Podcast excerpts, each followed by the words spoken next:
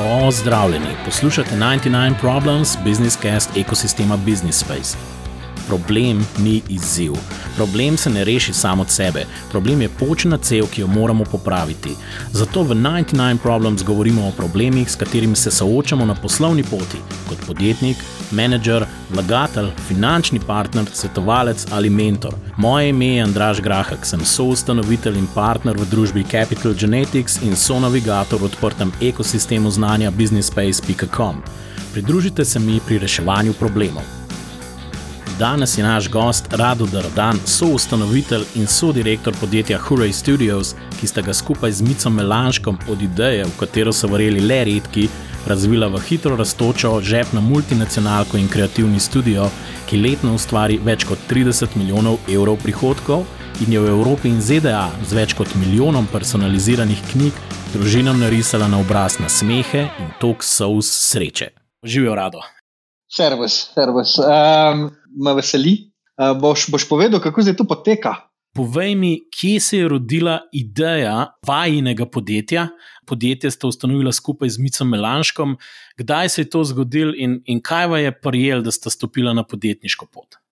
Uh, bila smo sodelavca uh, takrat v enem večjem podjetju. Mislim, da smo se malo iskali, no. mogoče nismo bila čisto srečna. Rada smo delala, nismo bila pa čisto zadovoljna s produktom. In pač pač smo razmišljali, kaj bi rada počela, pa kak pier spila, pa ne vem, smo badminton špilali, pa na šmarna gora smo hodili. Pa jaz sem ponavadi pešil sred hriba, že ko mi prišel do vrha.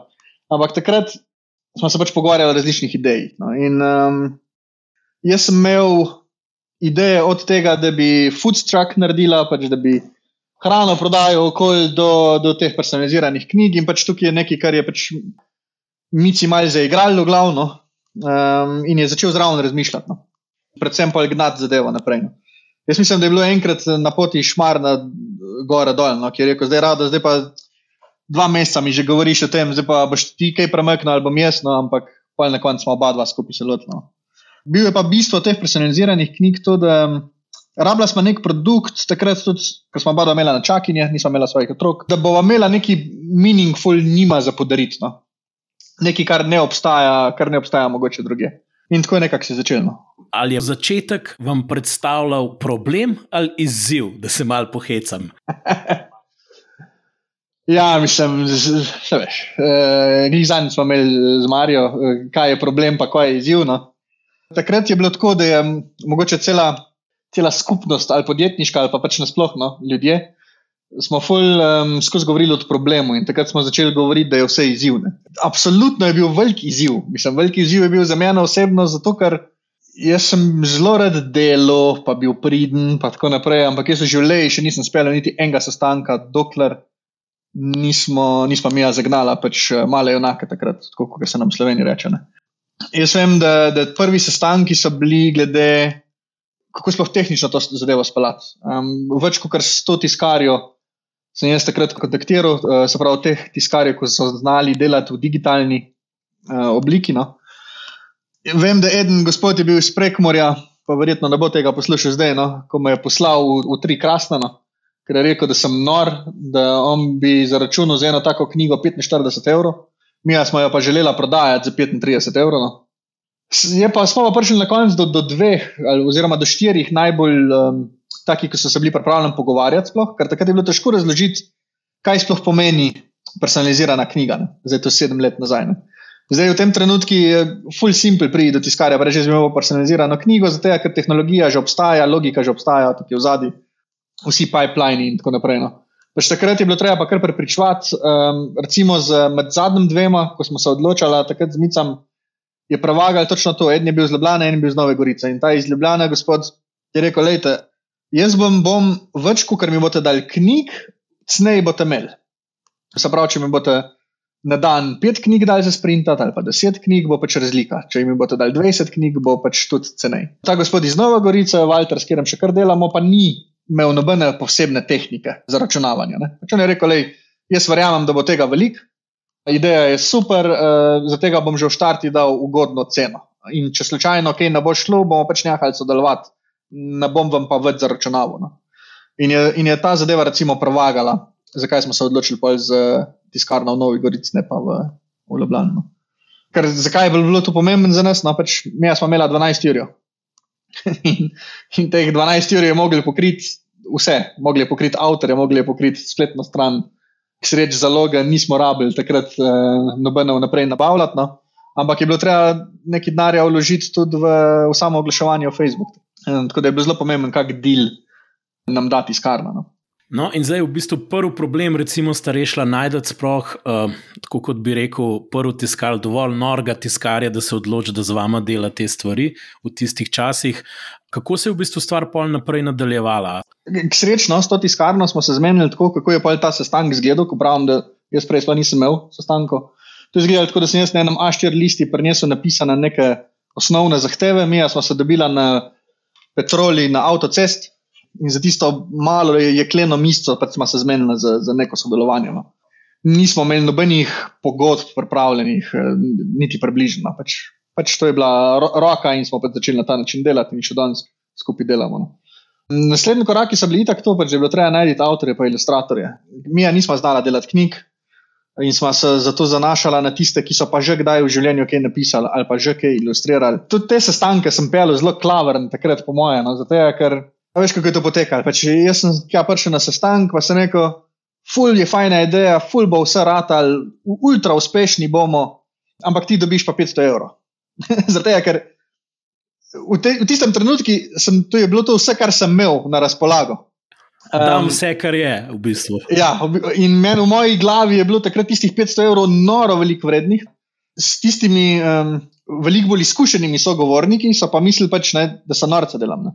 Zato, ker predstavljam neko sliko nekega uspeha, ponujam pa zelo malo.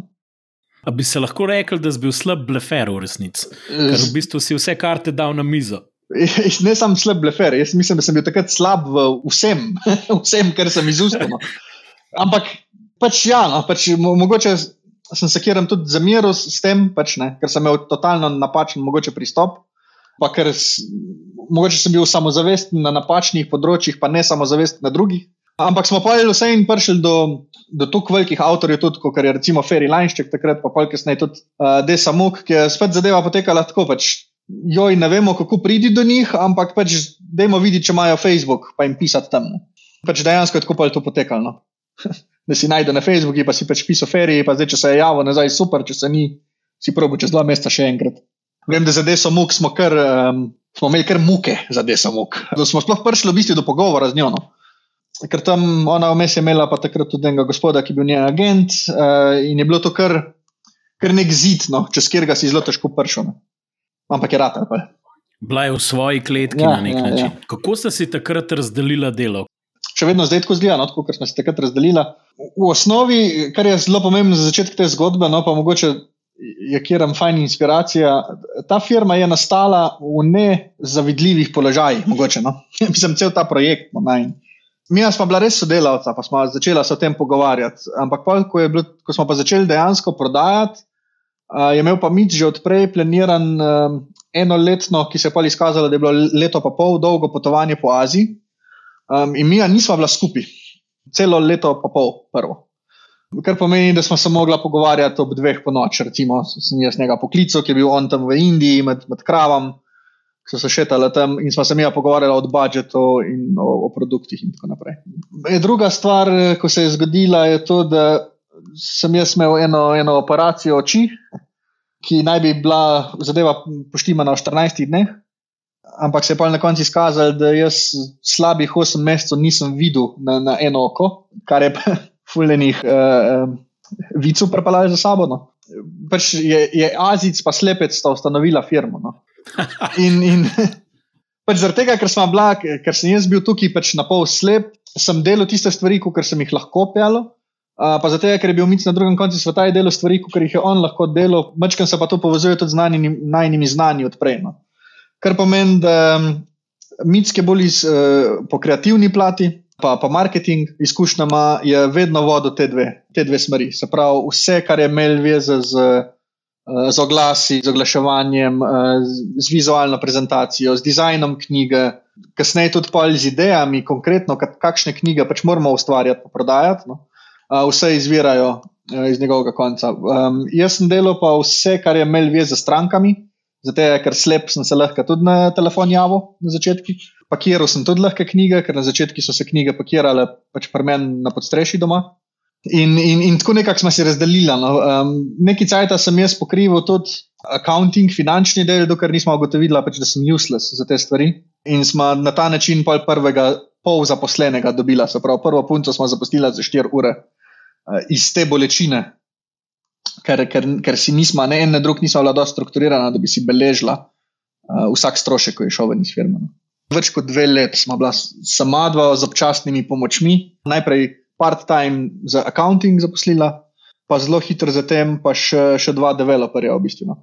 Prej smo imeli outsourcing development, takrat smo pa tudi kot solastnika pripeljali pa še Mateja pa Gogija v firmo. No. Um, in na začetku nismo imeli niti denarja, no, da bi pač plačala developerja. Pač, se veš, da pač developer je konkretna plača. No. Mi pa tam do leta 2015, no, um, se niti mi dva z micam nismo izplačvali nobenih plač ali karkoli. No.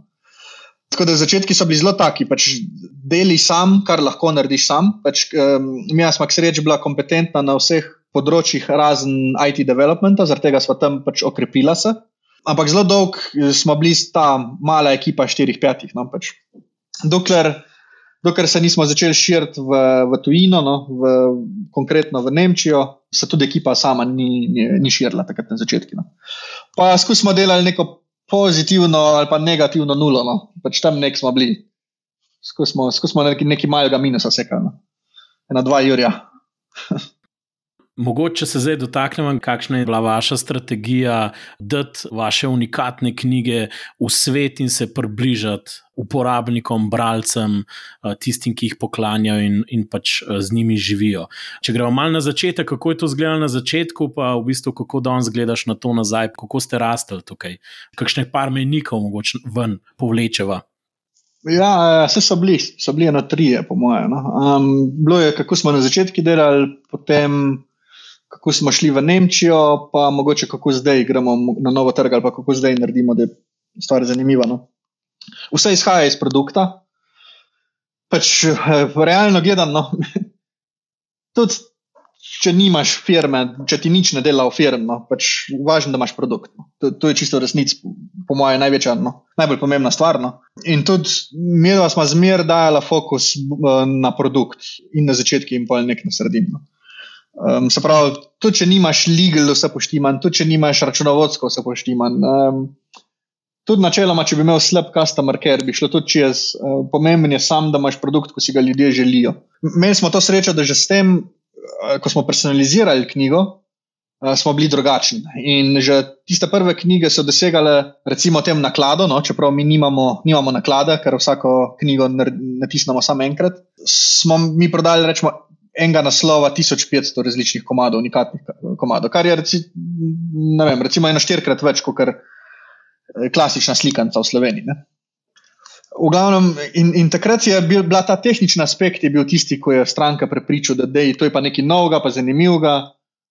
Pa, pa se, se je starš ali pa otrok nasmejal, ko je videl od otroka in mi je gor, uh, pa je videl, da je na vsaki strani tudi ilustriran pač ta otrok. Zdaj, ko smo šli v Nemčijo, smo se zavedali, da pač tu ni dosti dobro. No. Za teh 1500 knjig, ja, ampak če pa mi hočemo res delati neke bestsellerje, pa uspeti na trgu, kjer je pa precej neka konkurenca tudi, pa je sam trg dosti velik, no, je težje biti opažen. Smo probali zadevo malo raziskovati. Prvi feedback, ko smo ga dobili, je itak, če nimate 100 jurjev, sploh ne je to Nemčijo. Mi smo imeli 20 jurjev. In zato, ker smo imeli 20 jurjev ali pa mogoče 24 jurjev, no, klenek smo bili. Zato, ker, ker ker imaš to omejitev, pa ta strah, da oh, fuck, ne, zdaj grem pa svoj premaj denarja na nek nov trg. E, naj to tudi spodbujali, da smo, da smo delali čist drugega konca, no, pač, da smo probali najti rešitve. In ena izmed teh, ena izmed teh je bila produkt, um, se pravi, čist nov koncept produkta, da smo začeli delati. In sicer takrat se je prvič rodil to, da smo rekli, da naše knjige ne bojo pravljice od začetka do konca, ampak bojo bo sestavljena tako, da si bo lahko vsak uporabnik zbral uh, vsebino, se pravi, bo določil, kaj je vsebina te knjige. In tako je nastala tista prvi koncept prve knjige, uh, ko bo Miha Velik, kjer sama knjiga v okvirju, se pravi v intro, pa v outro, govori o tem, koliko rada ima mama tega otroka. um, pa koliko je strah, da bo ta otrok enkrat odletel iz njenega gnezda, ampak mu pa želi vse najboljše pač v življenju. Ne. To je neko zunanji okvir zgodbe, pač notranji, notranja zgodba pa določa pa stranka sama, ko se sprašuje, kaj bo ta otrok, ko odraste. A bo predsednik države, a bo kuhar, a bo baletka, a bo, a bo zdravnik. In človek, ko to naroča, ne glede na to, ali je mama ali oče ali je teta ali pa strica ali pa samo prijatelj, no, um, ful sebe da noter v definiranje te zgodbe. No. In uh, ogromno enih čustv se zvrti človeku v, v glavi, takrat, ko naroča. In to je bila ena stvar, ki je bila kar ključna za, za samo rast uh, firme. Se pravi, produkt je bil pomemben, da smo koncept rahlo pivotirali v, v neko novo smer, ki je nagovarjala. Ki je bolj nagovarjala čustva, kot pa mali, enaki 1.0, kot smo to imenovali prej. Um, Zaprav na ravni produkta smo najdli to rešitev, druga je bila pa zelo, um, ne vem, pač na spletni strani, zelo finančna platno. Se to, to zgodbo večkrat povem. Um, mi, ko smo malo delali kao research Nemčije, zakaj rečem kao, ker to pri nas je potekalo, pa še zmeraj mogoče malo poteka, sam, ko ne veš, malo po telefoni skrolaš gor pa dol. Um, in sem jaz videl pri OTODE, da imajo oni neko plačilno metodo, ki v resnici pomeni, da nič ne plačaš takoj, ko dobiš izdelek, ampak dobiš, naročiš pač pet srajc. Uh, skupaj s temi petimi srajcami dobiš račun, ki naj ga plačaš v 14 dneh, ampak plačati moraš samo za tiste izdelke, ki jih obdržiš. Se pravi, če ti vrneš nazaj štiri srajce, plačaš samo za tisto eno srajco v 14 dneh. Zdaj, OTD je um, tu je uporabljal zelo sofisticirano, pa če imel zadnji cel bonitetni sistem, ko se je pogovarjal recimo s Telekomom, pa je preveril, ali ta oseba redno plačuje računa ali ne. Um, pa, pa z nekimi drugimi, recimo z Merkatorjem, a imaš Merkator kartico vedno pokrito ali nimaš pokrito. In če je tvoj bonitetni sistem dober, ti OTD pač ponudi to opcijo, ker ti zaupa, da boš plačal. Mi smo tudi preverili te bonitetne stvari, no? ampak se je izkazalo, pač, da je treba plačati. Mislim, da je bilo takrat stroška 1 evro ali 1,2 evra na, na, na stranko, kar si mi v tistem trenutku sploh nismo mogli prvošiti. No, oziroma, če je slika kazala, da pač tega si ne moramo prvošiti. In smo si rekli, ja, če stranka ne bojo vedela, a, a jih mi preverjamo, a jih ne preverjamo, se pravi, imamo ta bonitetni sistem ali ne. In smo pač dali to opcijo kot prvo možno izbiro. Um, In smo si naredili pač nek backup plan. Ne. Pač jaz, kjer sem takrat razložil, da mi bomo pri personaliziranem produktu ponujali opcijo plačila, ki v resnici ni plačilo, ampak je samo obljuba plačila. Um, so i tako vsi govorili, pač, da smo noro, no. pač, da, da to ni, pač, da bomo izgubili v znarno. Ampak v zadnji je bil vse en nek zelo preverjen plan. No. Um, mislim, Zelo jasna računica je bila za naj. Pač mi smo hoteli čim prej spraviti vsaj tisoč knjig do končnih uporabnikov. Zato, ker smo hoteli, da se začnejo pogovarjati o tem na kavu, ker smo hoteli dobiti nazaj videe, fotke, ko jih lahko vnaprej uporabimo z marketing materialom, se pravi, da lahko pušamo naprej in kažemo, kako je ta pač produkt fajn. In uh, imela smo tudi nek deadline, ne? pač 15. november, mi smo to vklopili nekje konec septembra. No? Mi smo vedeli, da, lahko, da bomo zdržali s to plačilno metodo, se pravi s tem zamikom plačila, sam nekje do 15. novembra in pač pa je treba to ukiniti. In to je bil nek KPI, ali bo to rata ali ne bo. Mečka je bilo na glavo, lahko bi izgubila full denarja, uh, ampak se je zadeva splačala. Splačala se je tako, da smo v rekordnem cajtu, v nekih 14 dneh, tisoč knjig prodali um, da smo dobili ogromno enega materijala nazaj. Um, sicer čisti iskreno, vsega denarja um, niso stranke plačale. Se pravi, mi smo dobili nekih 60% denarja takoj nazaj, pa pa z nekimi izterjavami še nekih 9%. Tisti mečka nad 30% smo pa pač avtomatično pretvorili v marketinški denar. No. Pač to je bil marketinški push, praktično za najmo. A te lahko vprašam, koliko tistih, eh, če sprej rekel, budžetu 20 tisoč evrov za Nemčijo, sta tukaj eh, rekel, dala na mizo za v bistvu ta rekel, dostop, pa testiranje, validacijo uh, vašega produkta praktično? Um, mi smo imeli sicer mečkano več denarja pred vstopom v Nemčijo, kar pomeni, da produkte smo že imeli. Tako da nič od teh 20 ur, 24 ur ni šlo v produkte. Šlo je v male adaptacije, ampak to ni full koštalno zdaj. Um, ja, od teh 20 ur je šlo na 14 ur, je šlo, šlo v tono, v, v risk. Tako da velika večina denarja je šla v risk, v resnici tukaj. No. Kako ste se pol naprej lotili širitve na nemški trg? Lej, zakaj smo upali tukaj riskirati, tudi ko so nam drugi govorili, da, da smo nora, je zato, ker mi smo enkrat že prej se širili na, na tuje trge in sicer v Avstrijo, pa v, na Hrvaško. In enkrat smo že izgubili 7400, pa še nekaj evrov. To je to, kar si je mic od, od fotra mogel sposoditi, da smo sploh bila sposobna jeti na tuje trge. Pa smo izgubili vse. No.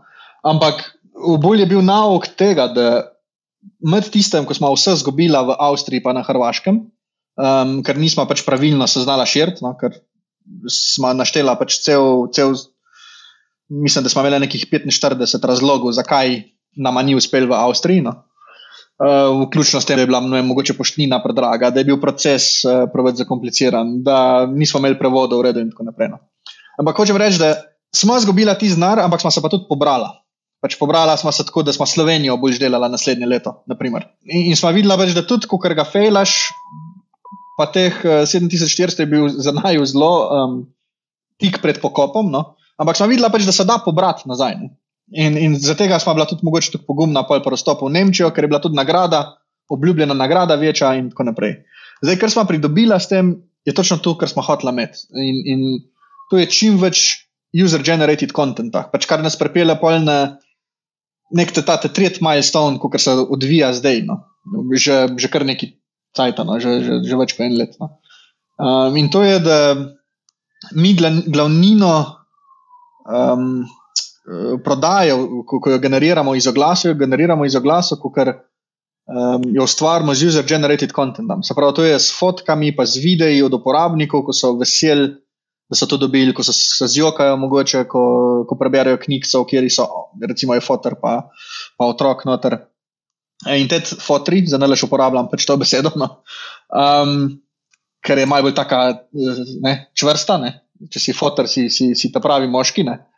Ja, ni, ni, ni izgovorov. Ja, ja, ja ampak eh, glih to je tisti, kar je tisti material, ki je nam najbolj funkcioniral. No, ampak tudi nas najbolj poboža. Pač, ko vidiš te fotore, potetovirane, pa s, s takim agresivnim frizuram, ko vidijo, da so oni noter v knjigi, pa da je ta knjiga govori o odnosu med njim in otrokom, ali pa med njim in njegovo partnerico, ali pa karkoli, no, pač, ko, ko se zlomijo, pa začnejo jokati. No.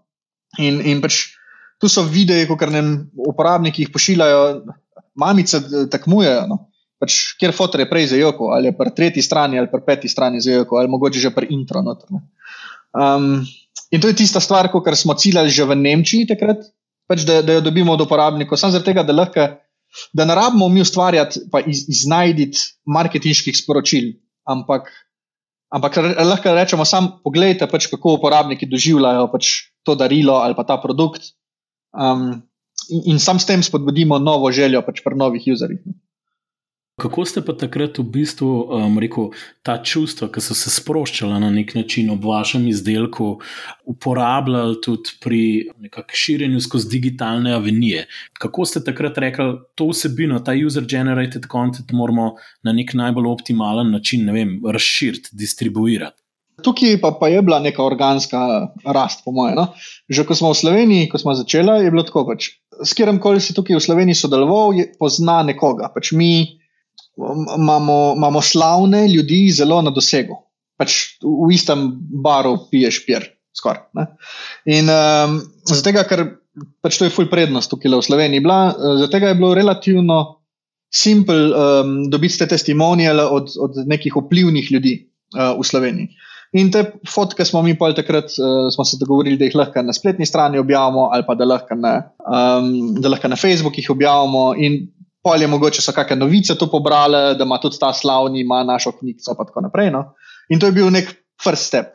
Pri strankah smo to delali tako, da smo dobesedno jim. V paket noter uh, napisali eno sporočilce, ko smo rekli, da je nam poslati kako fotko, takrat, ko bodo otroci dali knjigo, pa bi jo mi pa objavili, pa se vam bomo odolžili. V zameno za to smo jim dali personalizirano pobarvanko. Um, zdaj, recimo, sedem let kasneje, so vse te personalizirane pobarvanke, ki smo jih prej na roke delali, um, se zdaj ustvarjajo avtomatično na spletni strani, pa brezplačno jih stranka lahko dol potegne. Najprej smo to delali na roke, pač ta snowball efekt je bil polno. Um, zato, ker smo začeli objavljati to na Instagramu, na, na Facebooku in tako naprej. In kar naenkrat so nam ljudje začeli pisati, ko kakšne fotke nismo objavili. Ja, jaz sem vam tudi poslala fotko, pač zakaj pa mojega niste objavili. In pač ustvarjala se pač neka, neka skupnost pač iz tega, no? Ko so si ljudje želeli pokazati, hej, moj otrok je pa tudi um, ima to knjigo, ali pa um, mi smo pa tudi družina, ko kar beremo skupaj. Ali pa moj, moj, moj uh, mož je pa tudi je pa čustven, pač ni pa karen tam, um, pa se ukvarja z našimi otroci in tako naprej. Um, se pravi, ljudje so hoteli pokazati um, na ven no? Uh, s, to svojo identiteto in to svojo identiteto so pač pokazali z našim produktom. Um, velik preskok se je pa zgodil potem, ko smo šli v Ameriko, tam je pa cela kultura tega da, da se pokažeš. Ne? Če kdaj gledaš tekmo, kako ameriško, pač zdaj karkoli, ali NBA ali karkoli. Oni so zelo navajeni, da jih kamera ujame in pa oni plešajo tam na tribunah in imajo 5 sekund svoje slave, in pa gre kamera naprej do naslednjega in ne, on bobne, bobne je igral v zraku in tako naprej. Ne. In pač ta pristop, ko smo ga mi že prej imeli, smo ga sam povezali s to ameriško kulturo no, in je takrat šlo res v višave to, da smo dobili tega konta pač to, da ga niti ne moramo vsega uporabiti. No. Največ trik pa je ugotoviti, kjer kontent je pa tak, kot bo nagovarjal tudi druge. Tukaj, tukaj pa ni enega na svetu, no? pač kako se to naredi. No? Tukaj imamo pač mi ljudi v ekipi, ki imajo tako močno empatijo, da, da znajo oceniti, kjer video ali pa kjer fotka od uporabnika bo pa, bo pa tista, ki bo špilala. No? Poleg vsega testiranja. Poleg. Zanimivo je poslušati, v bistvu, kako ste se lotevali, pa kakšni so bili odzivi, pa vajem, predvsem neka želja po eksperimentiranju, pa tudi sprejemanju tveganj, ki je bilo vse nekako racionalno, kako koli se to ljudem noro zdelo v tistem trenutku. Uh, vseeno ste pa se vedno znova soočali z določenimi omejitvami ali pa težavami. Deva se mal eno so ljudje, lahko drugo pa mogoče denar. Ne? Kakšne omejitve ste tukaj imeli pri rasti, kar se tiče sredstev? Uh, ne na zadnje, tudi ni nobena skrivnost, da ste pač uh, zelo, zelo omejenem obsegu financirali svojo rast z zunanjim kapitalom, ampak mogoče vsem, če greš lahko mečkam nazaj. Kje je nastala tista točka, ki ste pa takrat morali nekako nujno neko alternativo najti in odpreti uh, svoje vrata tudi zunanjemu investitorju. Ja, mogoče to prvo finančno, pa pa, pa, pa management. No. Finančno je bilo tako, pač mi, mi kadarkoli smo. Skozi smo imeli občutek, da včasih so naše sezone bile samo Christmas. Pač zdaj imamo čez celo leto pač neke, neke sezone, um, ko so fully stabilizirale celo podjetje. Tudi, no. um, ampak takrat je bilo tako, da vsaki smo ful dobro prodajali, uh, mi smo bila čisto srečna, pa smo šla pa januarja, res računovodsko gledati številke, pa primerjati vse, smo bili pa na nul. In pa smo šli še en let, pa spet, pa smo bili dva jurja v minusi, pa smo šli še en let, pa smo bili na nul. In tu naj najbolj spodbujali k temu, da smo rekli, da pač ne moramo biti samo v Sloveniji, zato ker pač je to sizifovo delo, vse imamo rada, ker delamo, sam pač denarja nam zmanjkuje za, za hrano. pa za, za stanovanje. Pač, um, in zato smo se začeli usmerjati v, v tujino. Za tujino pa ni toliko na tem, da smo mi dva rabila ta denar, kot sem prej rekel, pač lahko delaš z, z full mal denarja, se pravi z 20 jurjem smo začeli tisto Nemčijo. Pol kasneje smo pa vzeli eno investicijo, uh, četrt milijona, ampak izključno zaradi enega razloga. In to je um, bil to, da smo hoteli imeti Hvala smo imeti nek safety denar, s katerim bomo imeli več jajc. To je bilo v osnovi bistvo vsega tega. Pač, um, nismo rekli, zdaj pa, ker ponavadi pri investicijah, pa pri startupih je tako, da pač ti pičaš, pa poveš v bistvu tudi, kam boš zapravil ta denar. In je mečkan logičen, da bo ta denar zapravljen for the greater good. Se pravi, boš zapravil 250 jurjev za kadre, za oglaševanje, za povezovanje s partnerji, za neko novo tehnologijo in tako naprej. Um, mi smo pa izključno rabljali denar, v smislu, na, na, na Facebooku za oglase so se že takrat v tistem cajtu obračali veliki večji zneski, kot je teh 250 ur. Um, ampak hotela smo pa sam vedeti, da lahko gremo do meje z oglasi Se pravi, da lahko tudi mečken zgubimo denarja, ko oglašujemo, če želimo, ker vemo, da imamo tam nek backup. Kar se je realno zgodilo, je to, da mi smo vzeli tistega četrt milijona, se ga nismo pa nikoli dotaknili tistega denarja. Očitno smo imeli pa poguma dovolj veliko, no, da, da smo lahko pa skalali z vsem oglaševanjem in z investicijami v, v marketing. No. Zakaj, smo pa, zakaj smo prišli do te točke? No, je pa vse in to, da skozi v nekih, kako bi tem rekel, skozi imamo neka nihanja. In vsake tok cajt, vsake dve let pride neko nihanje, ko se malo strašiš. Ko, ko je rast vse in tako hitra. Eh, za ilustracijo, no, ko hočem povedati, je to prvi mesec smo mi v oglaševanje dali um, 300 evrov na, na mesec. Uh, se pravi, je bilo to par jurjev na let. Pač zdaj se že pogovarjamo, zdaj se pogovarjamo o par milijonih na letni ravni. Um, in je pač ta decision making včasih rata mal, mal težko, no. mal, mal te zakrč, ko, ko moraš iti na next stage, na next level. Uh, in to je bil razlog no, za tisto investicijo.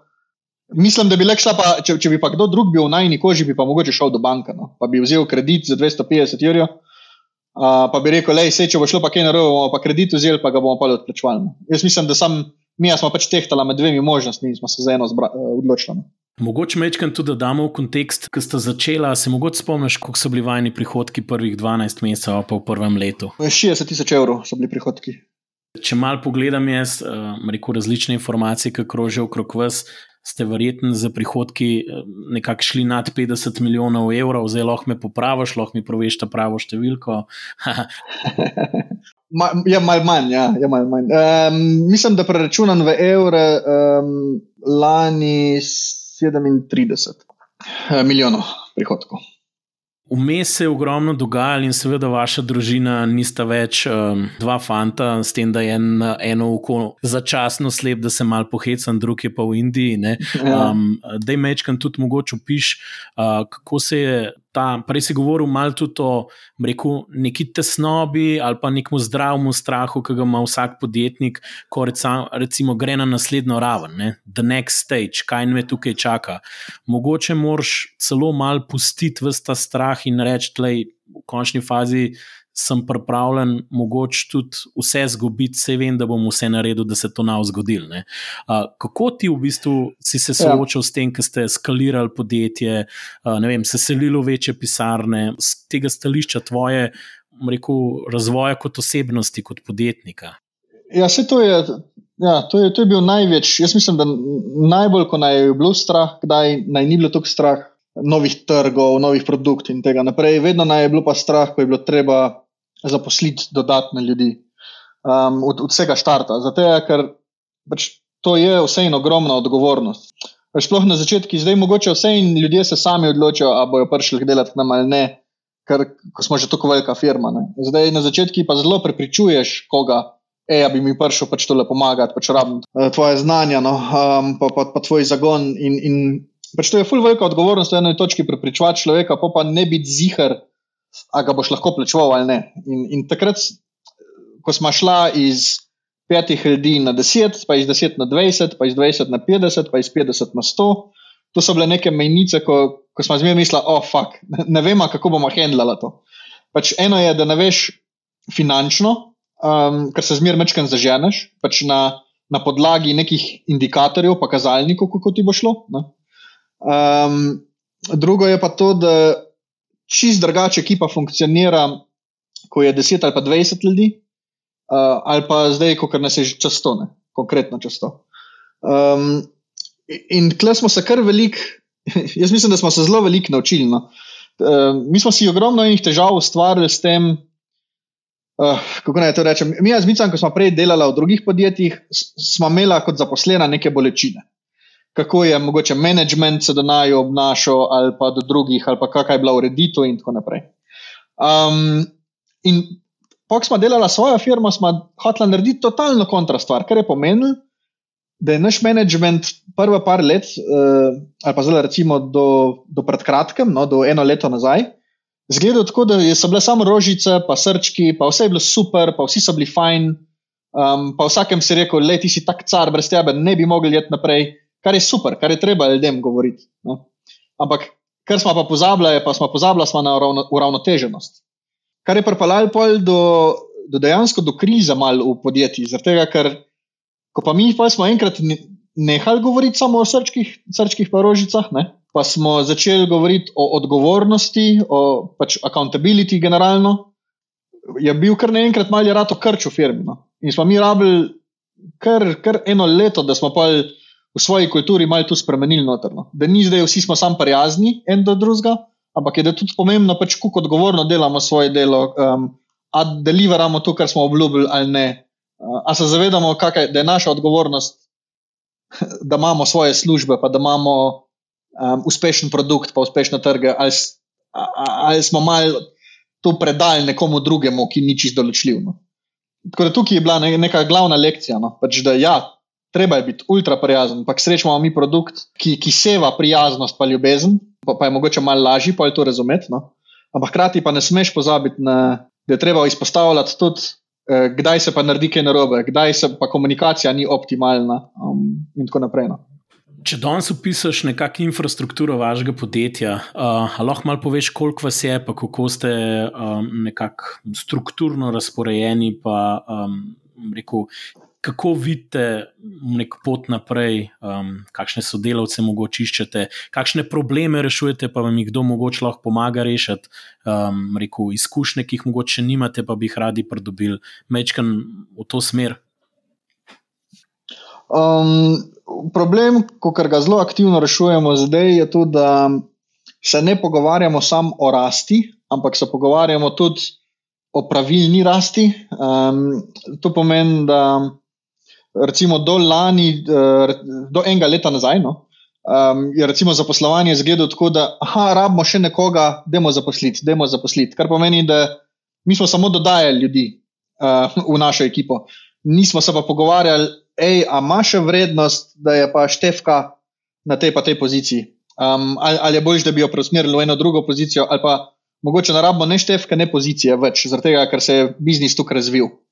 Um, in smo šele en let, zdaj, oziroma eno osem mesecev nazaj, začeli res razmišljati o tem, da ni, ni dober management samo, če dodajaš ljudi, ampak je dober management podjetja to, da, da si res lin tam, kjer moraš biti lin, no? um, in da ima vsaka pozicija pred svojo vrednost. Um, kar se je tudi začelo dogajati v tem zadnjem letu, je to, da ko zaposlujemo, zaposlujemo seniorje. Zato, ker nas je juniorju že, že dovolj, ali kako naj drugače rečemo. No. Um, k sreči smo tako juniori, ko smo zelo prilagodljivi, um, pa se skozi cajt, ne glede na to, kako hitro se firma premika, se tudi mi znamo hitro obrniti. No. Uh, ampak sigurno pa zdaj je večja verjetnost, da zaposlimo um, bolj strokovnjaka na svojih področjih, no, kot karkoli drugega.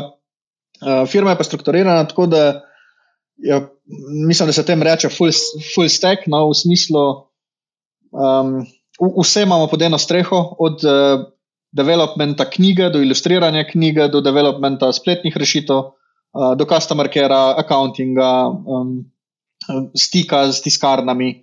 Uh, mi imamo drugače v tem trenutku devet tiskarn po celem svetu, partnerskih, tri od tega v Ameriki, eno v UK, eno v Nemčiji, v Avstraliji, eno in tako naprej. Um, tako da je že cel department, ki se ukvarja v bistvu samo s poslovnimi partnerji. Um, In jaz bi rekel, da smo organizirani bolj hierarhično, ali kako naj tem rečem. Uh, ampak je tukaj nekih različnih definicij tega, kaj je flat struktura, kaj je hierarhična struktura, da fulj nisem samo zavesten govoriti o tem. No?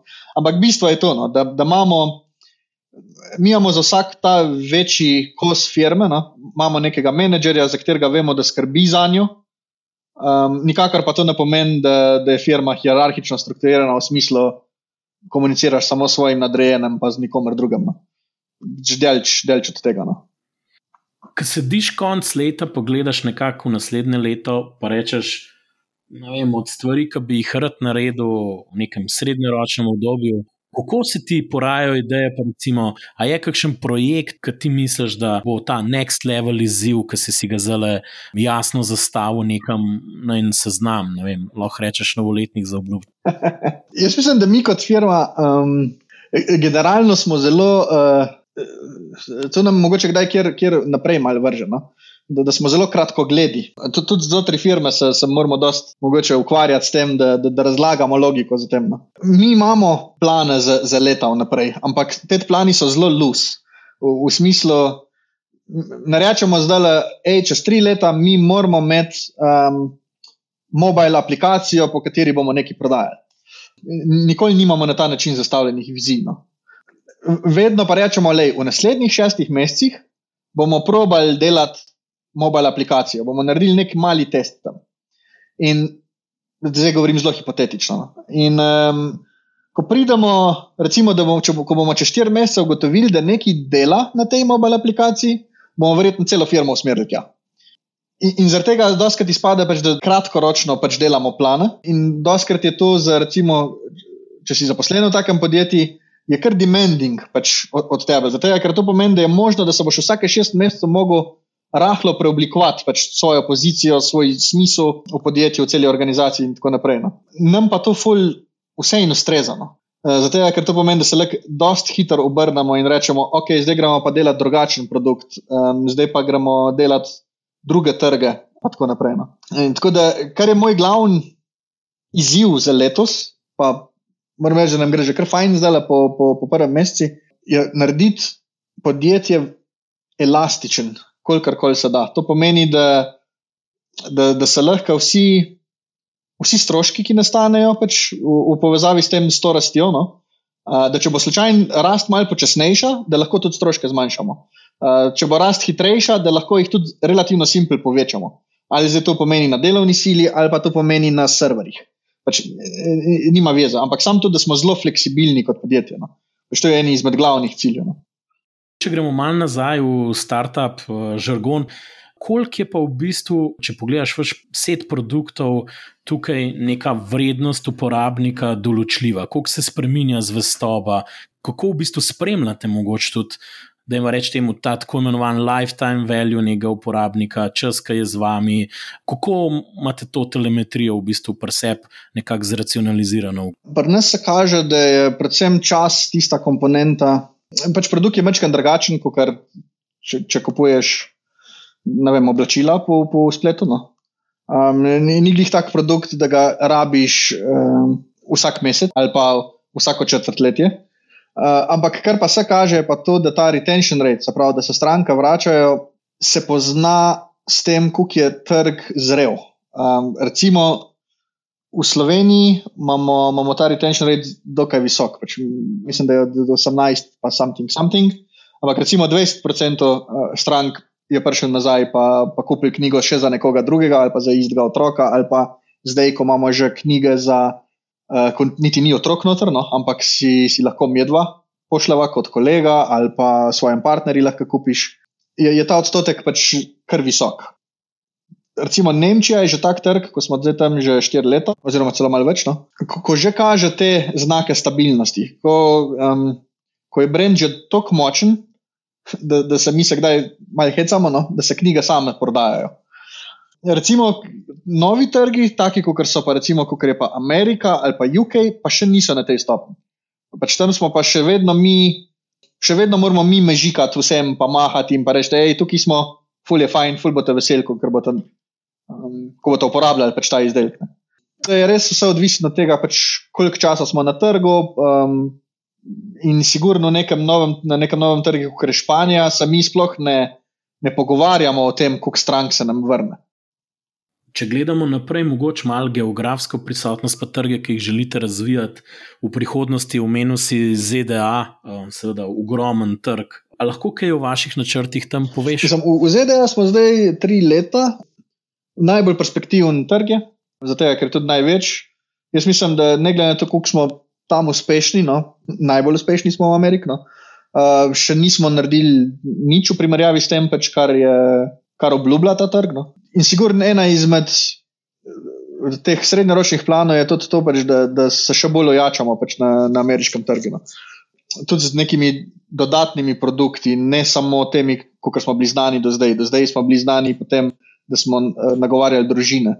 Um, kar lahko ful, z veseljem povem, je to, da zdaj, ko smo začeli nagovarjati pare, se je to izkazalo kot ena čist nova sezona tudi na ameriškem trgu. Uh, Hmal pridejo, um, pride knjiga, ki bo nagovarjala vez med otrokom ali pa med odraslim, pa uh, hišnim ljubljenčkom, med psom in mačko. Uh, tam je tudi ogromno enih emocij. No. Tako da ogromno prostora je še tukaj. Uh, predvsem, jaz mislim, da je ogromno prostora v, tej, v nagovarjanju odraslih, se pravi, tako kot so si zdaj podarjali za Valentinovo, da si podarjajo te knjige tudi za kako drugo priložnost. Um, kar se tiče Evrope, pa v bistvu, kar zdaj pravimo ugotoviti, ta, ta je kar zanimivo. No? Pravimo ugotoviti, kako spet na, na najbolj možen lin način uh, prodreti na novo trge. Zdaj smo si zadali, um, še ne bom izdal, kjer trg, no? ampak še en nov trg v, v Evropi, no? uh, kjer se v bistvu učimo nazaj. Uh, Malo smo se razvadili, no? tako da so včasih se malo mal zamislili. No? Malo smo se razvadili, uh, ko nas je zdaj že več kot sto ljudi, uh, da, da kar naenkrat pa rabimo mi zdaj, da odpremo nov trg, rabimo pa mi ekipo 16 ljudi. Uh, kar niti približno ni res. Pač, uh, če smo lahko prej odpirali z ekipo 3-4, lahko tudi zdaj. No? In, in dejansko eden izmed izzivov, kot smo si ga zdaj eh, kolektivno zadali, je to, ali lahko odpremo nek nov market brez kakršnega koli efforta, oziroma tako v ekstremno kratkem času, z ekstremno malo resursi. Um, tako da bom znal povedati, no, čez en mesec, namerata ali ni. V bistvu je ta neke vrste bootstrapping gen v vse noter že vse čas. Mislim, jaz malo verjamem, da mora biti. No. Um, pač mene začne jeziti, če to ni. Zato, ker najbolj exciting mi je to, če, če lahko, če lahko bootstrapamo. To je najbolj exciting stvar pač cele, celega podjetja, po mojem. Zdaj, ko tebe človek posluša, ja, smo na tem trgu postopili na ta trg, ampak veliko podjetij v Sloveniji je to za njih res bolečina. Vstopiti na nek trg, čezmejni trg, kako se ga lotiti. Ampak mogoče lahko daš primer enega trga ali pa malo poveš vaše izkušnje, kaj so bile največje vaše bolečine, ki ste se tega lotevali, mogoče kakšen problem, ki ste ga pri tem rešili, uh, kaj kar misliš, da bi mogoče komu lahko pomagal, ki se recimo vem, loteva ali ameriškega trga ali pa nemškega trga, ne na zadnje. Pač en največjih, če ne največji v, v, v Evropi za različne pač izdelke in storitve. Ja. Tukaj je bilo fulj bolečino mislim, konkretno, jaz mislim, da za nemški jezik, da smo zamenjali osem ljudi, preden smo obdržali enega, um, mi smo takrat temu rekli, country managerja. Prvo smo imeli nekoga part-time, pa pol ni bilo ok, pa smo imeli nekoga drugega, v glavnem ne, tam nekta četrt, naj je že full prepričal, da on je strokovnjak za nemščino, mi dva pač nisva bila, pač ne, jaz sem znal, ihaba, kein house of gabe ali nekaj tasga, to je bilo vse, kar sem znal reči in pač ker nisi kompetenten, um, zaposluješ napačne ljudi, no? um, čisto napačen profil. To, to, to je kar dolgo trajalo. Um, tudi pol, ko smo že zaposlovali, uh, najprej smo imeli sam prek študenta, pa, pa smo imeli prek SP-ja koga, pa, pa smo že zaposlili. Um, na koncu je izkazal, da no, um, Marius je tukaj zdaj pri nas še vedno, on je prišel k nam čist kot en poskus. Um, jaz sem takrat pripeljal njega kot Erasmus študenta um, za nič evrov plačila, pač kot praksa. Uh, on je študiral na nizozemskem in je pač rabo v enem semestru pač, uh, iti v eno podjetje delati in je pač prišel v Slovenijo. Zdaj ta poskus se je pol izkazal, da je dejansko smo dobili osebo, ki je znala dovolj hitro rasti, kot je rabo podjetje rasti. No? Uh, in na koncu je on tudi postal country manager um, za Nemčijo. Kasneje, mi smo od country managerja pričakovali, da bo znal in jezik, in kulturo, in marketinški pristop, um, da bo obvladal tudi customer care, kako se s strankami ukvarjati in tako naprej. Kasneje smo vseeno ugotovili, da to je ok za začetek, rabiš človeka, ki bo all-rounder in ga boš rabo na vseh možnih področjih. Pač pol urca bo delo pregled naročil, pol urca se bo ukvarjal s strankami na Facebooku, pa bo delo mečken za marketing, bo pripravljal objave uh, in oglase, uh, pol se bo pa ukvarjal s strankami še naslednje dve, tri ure. Um, to je super pristop za začetek, ampak pol vnaprej smo pa videli, pač, da to ni nesustainable, pa tudi ni pametno tako delati. No? In smo preimenovali to pozicijo v Communications Manager, uh, kjer pomeni, da ta oseba skrbi izključno za jezik uh, in, in način komunikacije. Se pravi, ni nekdo, ki kar executa, ampak nekdo, ki v bistvu ki bolj usmerja druge v firmi, um, kako naj v, na tem trgu pač funkcioniramo.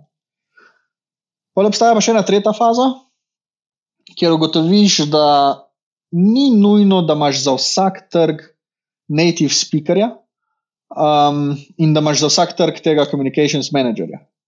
Um, zato, mi smo pri mrskem trgu dokazali, da ko nismo več imeli osebe, tam smo mogoče celo boljši bili v prodaji, kot smo bili prej. Ne, da ima ta stvar povezavo, no, ampak bolj hočem povedati, da ni, včasih ni direktna povezava med tem, a imaš uh, native človeka zaposlenega ali ga nimaš. No. Pač, najbolj je pomemben, a imaš na poziciji človeka, ko mu je pomembno, kako bomo prodajali, pa kako zvenimo, pa kako izgledamo. Za nas je to še ekstra pomembno, zato ker pač prodajamo knjige in je jezik ultra pomemben. Um, ampak ni pa nujno. No.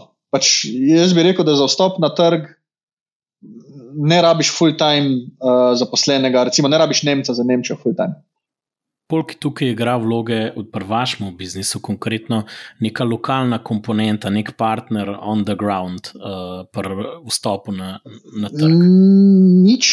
Mislim, um, tukaj bi pa rekel, da pa ta country manager, communications manager je pa veliko več vreden od kakršnega koli morebitnega poslovnega partnerja tam na, na, na tistem. Pač, um, ker, naprimer, mi smo nemški trg lansirali s tiskarno iz, in smo pošiljali iz Slovenije. Pač mi nismo imeli nemške tiskarne. Um, in smo imeli nemško tiskarno šele, ko so oni pristopili do nas. Uh, in so rekli, vidimo, da imate fajn produkt, pač mi rabimo zafilati svoje linije, pač vidimo potencial in bi se radi z vami pomenili. Uh, in tukaj je naš predlog. Um, mi smo fulj časa tudi uh, mislili, da moramo imeti nemško podjetje, če hočemo biti bolj lokalni. Uh, pa do danes še nismo odprli nemškega podjetja. Smo uspeli pridobiti nemški bančni račun, tukaj nam je poslovni partner, se pravi, tiskarna, ful pomagala, brez njih bi ga težko dobili. No? Uh, Čiž zaradi sistema, kot ga imajo Nemci, ampak um, kaj, več, kaj več od tega pa ni, no? pač lahko greš sam. sam. Je pa res, da moraš biti dedikatan tem. Kaj pa mogoče ameriška izkušnja, če še tam kaj deliš? Američani so skozi nekaj posebenega, se mi zdi, to, je njih, um, rekel, ja. zanimivih stvari, ki jih človek odkrije, ki malo proba, kakšen posel tam delati. Doba, ne vem, če bom lahko zelo v parih sekundah povedala. Um, Amerika je pa, je pa tako. No, jaz sem se fulj pogovarjal uh, z, z slovenci, ki so že imeli kakšna podjetja v Ameriki, kako to zgleda. In, zmer, in, in razdelim jih lahko v dve kategorije. Pač eni so bili tisti, ki so rekli, ne mogoče v Ameriki karkoli delati, zaradi tega, ker imajo tako kompleksen davčni sistem, da sploh ne veš, kako moš davke plačati in pač to ti bo pobral pol leta tvojega življenja. Uh, drugi so bili pa taki, ko so rekli, da sploh se ne sekiri, sploh ne rabiš davko zbirati. Um, to fulni panika, v Ameriki je vse lus. Pač ni resno, pač, da je vse lus, pač verjetno je odvisno od tega, um, koliko hiter uh, moraš se na nekatere stvari pripraviti. Zdaj, podjetje samo odpreti je bilo zelo simpel. Zelo simpel je bilo tudi zato, ker, ker nismo vedeli, kaj delamo. In pač karkoli nam je kdo svetoval, smo mi rekli, da ja, je ok, dajmo, dajmo. Um, ampak to pomeni, da smo mogli po, po nekih dveh letih tudi mečkaj začeti uh, prestrukturirati ameriško podjetje. Zato, ker, ker nismo imeli vseh zadev optimalno nastavljenih, pa verjetno še zdaj nimamo vseh optimalno nastavljenih, pa se bomo mogli še s tem ukvarjati. Tako da samo odpreti firma ni bilo tako težko. Mi smo prek enega davčnega svetovalca uh, to vse uredili. Um, ta davčni svetovalec nam je uredil tudi um, eno banko, s katero je sodeloval. Mi smo sicer kasneje tisto banko zamenjali z eno v, uh, v Las Vegasu, no? če zaradi tega, ker smo upali, da bo treba je kaj podpisati v živo. Um, ampak načeloma vse funkcionira online. No? Um, tako da mi z Micem, recimo, sploh še nismo šli v Ameriko, mi smo imeli že podjetje odprto že, že par mesecev, no?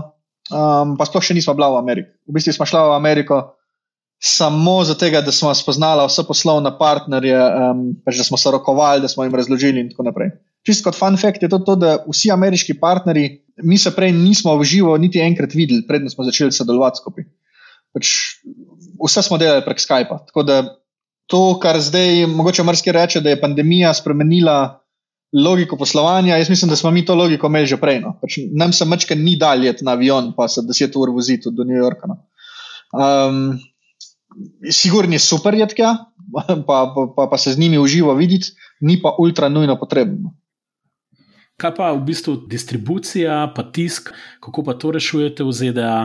Sedem let pa pol nazaj, ko smo delali to še vse samo v Sloveniji, je dejansko potekalo tako, da je tiskarna v Sloveniji knjige naprintala, jih zapakirala v eno škatlo, dala na avtobus, poslala avtobus v Ljubljano in jaz sem na peronu številka 12 pobral to škatlo, jo nesel domov, doma spakiral, dal nalepke, poklical GLS, predal pakete GLS in so oni pa naslednji dan dostavljali.